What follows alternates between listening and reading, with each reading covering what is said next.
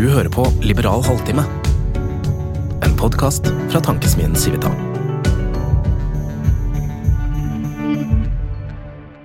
Hjertelig velkommen til årets siste episode av Liberal halvtime. Mitt navn er Erik Løkke. Siden vi nå nærmer oss slutten av 2023, skal jeg dele noen korte refleksjoner over 2023, tingens tilstand, og hvor vi er på vei i 2024. Hva jeg håper, og hva jeg tror. La meg understreke at dette er mine personlige meninger. Andre medarbeidere i Civita vil sikkert legge vekt på andre forhold og hendelser i 2023, og sikkert ha andre prediksjoner for 2024. Det er en av de fine tingene med Civita.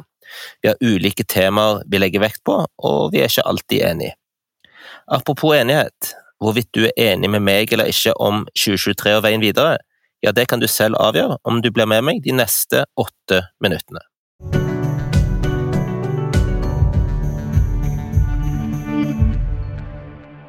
I sitt klassiske verk A Tale of Two Cities beskrev Charles Dickens en tidsånd med radikale motpoler. It was the best of times, it was the worst of times. It was the age of wisdom, it was the age of foolishness. It was the epoch of belief, it was the epoch of incredulity. It was the season of light, it was the season of darkness. It was the spring of hope, it was the winter of despair. For de av oss som bekjenner oss til den liberale idétradisjonen, har det vært få lyspunkter i 2023. Finlands inntog, og nå snart Sverige, i Nato, det er gledelig. Det polske valget, hvor liberale Donald Tusk har orientert Polen mot Europa, har vært viktig, og måtte Tusk-regjeringen lykkes. Det er viktig for Polen, det er viktig for Europa, det er viktig for Vesten. I tillegg kan man finne noe glede i det faktum at det kunne jo vært verre. Autoritære gjennomslag kunne vært større, og demokratisk tilbakegang kunne vært enda tydeligere. Det er ikke bare en floskel, det er høyst reelt. Autoritære verdier har fremgang, og episenter for konflikten mellom det liberale demokratiet og tyranniet, det er i Europa, og det er i Ukraina. Det er forstemmende å observere at den amerikanske kongressen, og især republikanere, blokkerer viktig økonomisk og militær støtte til Ukraina. Det er forstemmende å observere at Ungarn gjennom Viktor Orban får stoppa EU fra å gjøre det samme. Det er forstemmende fordi Vesten har økonomi, materiell, utstyr og ressurser til å bidra til at Ukraina vinner, men det vi mangler er nok vilje, tilsynelatende. For all del, Vesten har bidratt med mye, men antagelig ikke mye nok. For la det være ingen tvil, Vladimir Putin gambler på at Vesten vil gå lei, at vi i Vesten fundamentalt sett er blitt dekadente. Vi er ute av stand og vilje til å ofre noen ting som helst for det som er viktig for friheten. Og jo da, Vesten uppa seg i begynnelsen, men ga seg etter hvert.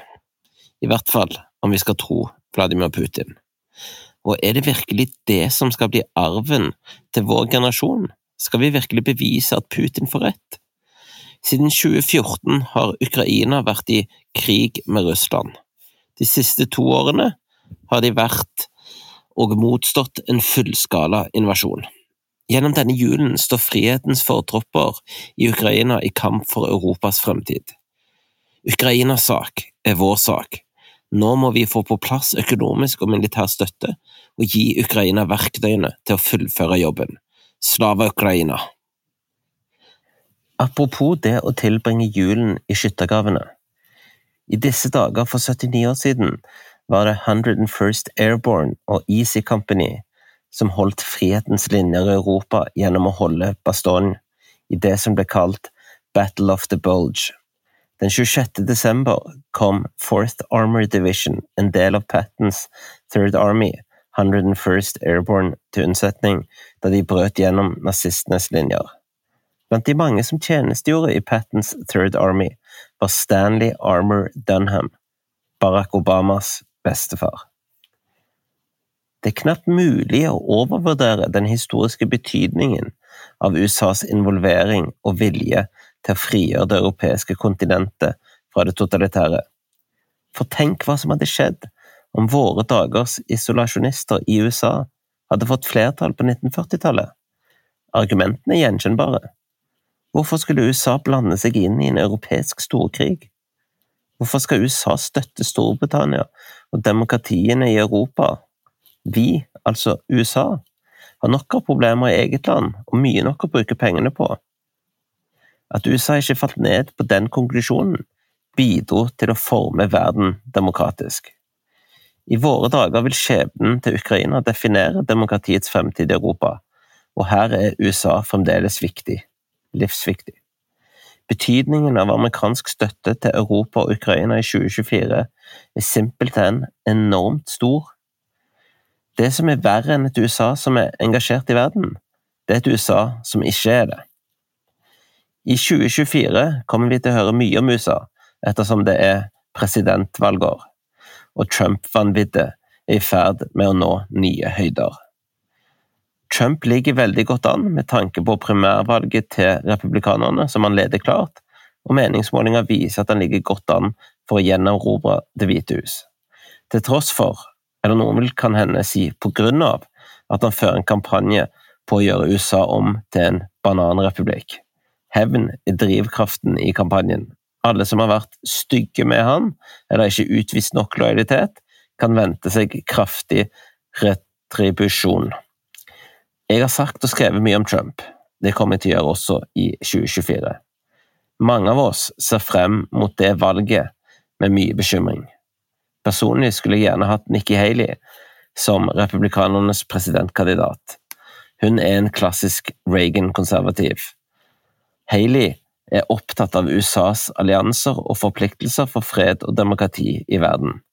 Trump er kun opptatt av seg selv, og verdimessig har Trump mye mer til felles med autoritære ledere og diktatorer. Så la meg understreke, og make no mistake, den største trusselen mot Vesten og liberale demokratier er ikke Vladimir Putin og Russland, ei heller Xi Jinping. Det er Donald Trump og et USA som er i krig med seg selv, og som ikke greier å kompromisset på sentrale punkter om hva USA skal være.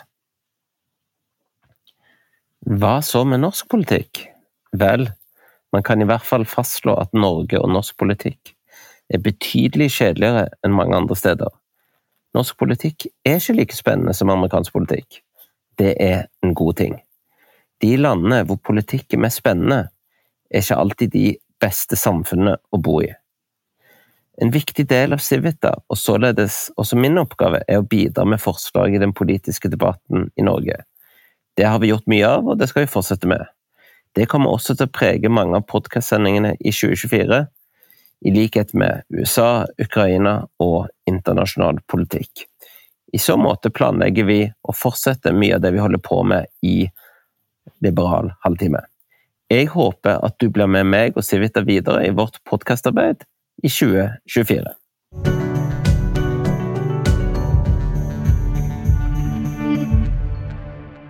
Da gjenstår det bare for meg å si, for siste gang i 2023, takk for at du lyttet.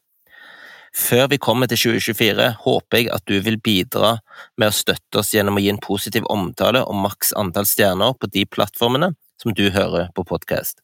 De samme plattformene kan du også finne knappen for abonner hvis du ønsker å abonnere på Liberal halvtime. Hvis du ønsker å holde deg oppdatert på hva som skjer i Civita i 2024, da anbefaler jeg deg Civitas nyhetsbrev. Det finner du på civita.no. Her finner du også mange temaer som mine kolleger har jobba med, eksempelvis næringspolitikk, skatt, klimaomstilling, det grønne skiftet, personvern, skolepolitikk og forholdet mellom offentlig og privat. Dette er tema som vi i Civita kommer til å beskjeftige oss mye med i 2024, så følg med på civita.no for jevnlige oppdateringer. Har du innspill eller kritikk, send meg en e-post på eirik.civita.no. Kjære alle sammen, en riktig god jul og et godt nytt år. Du hører på Liberal halvtime, en podkast fra tankesmien Civita.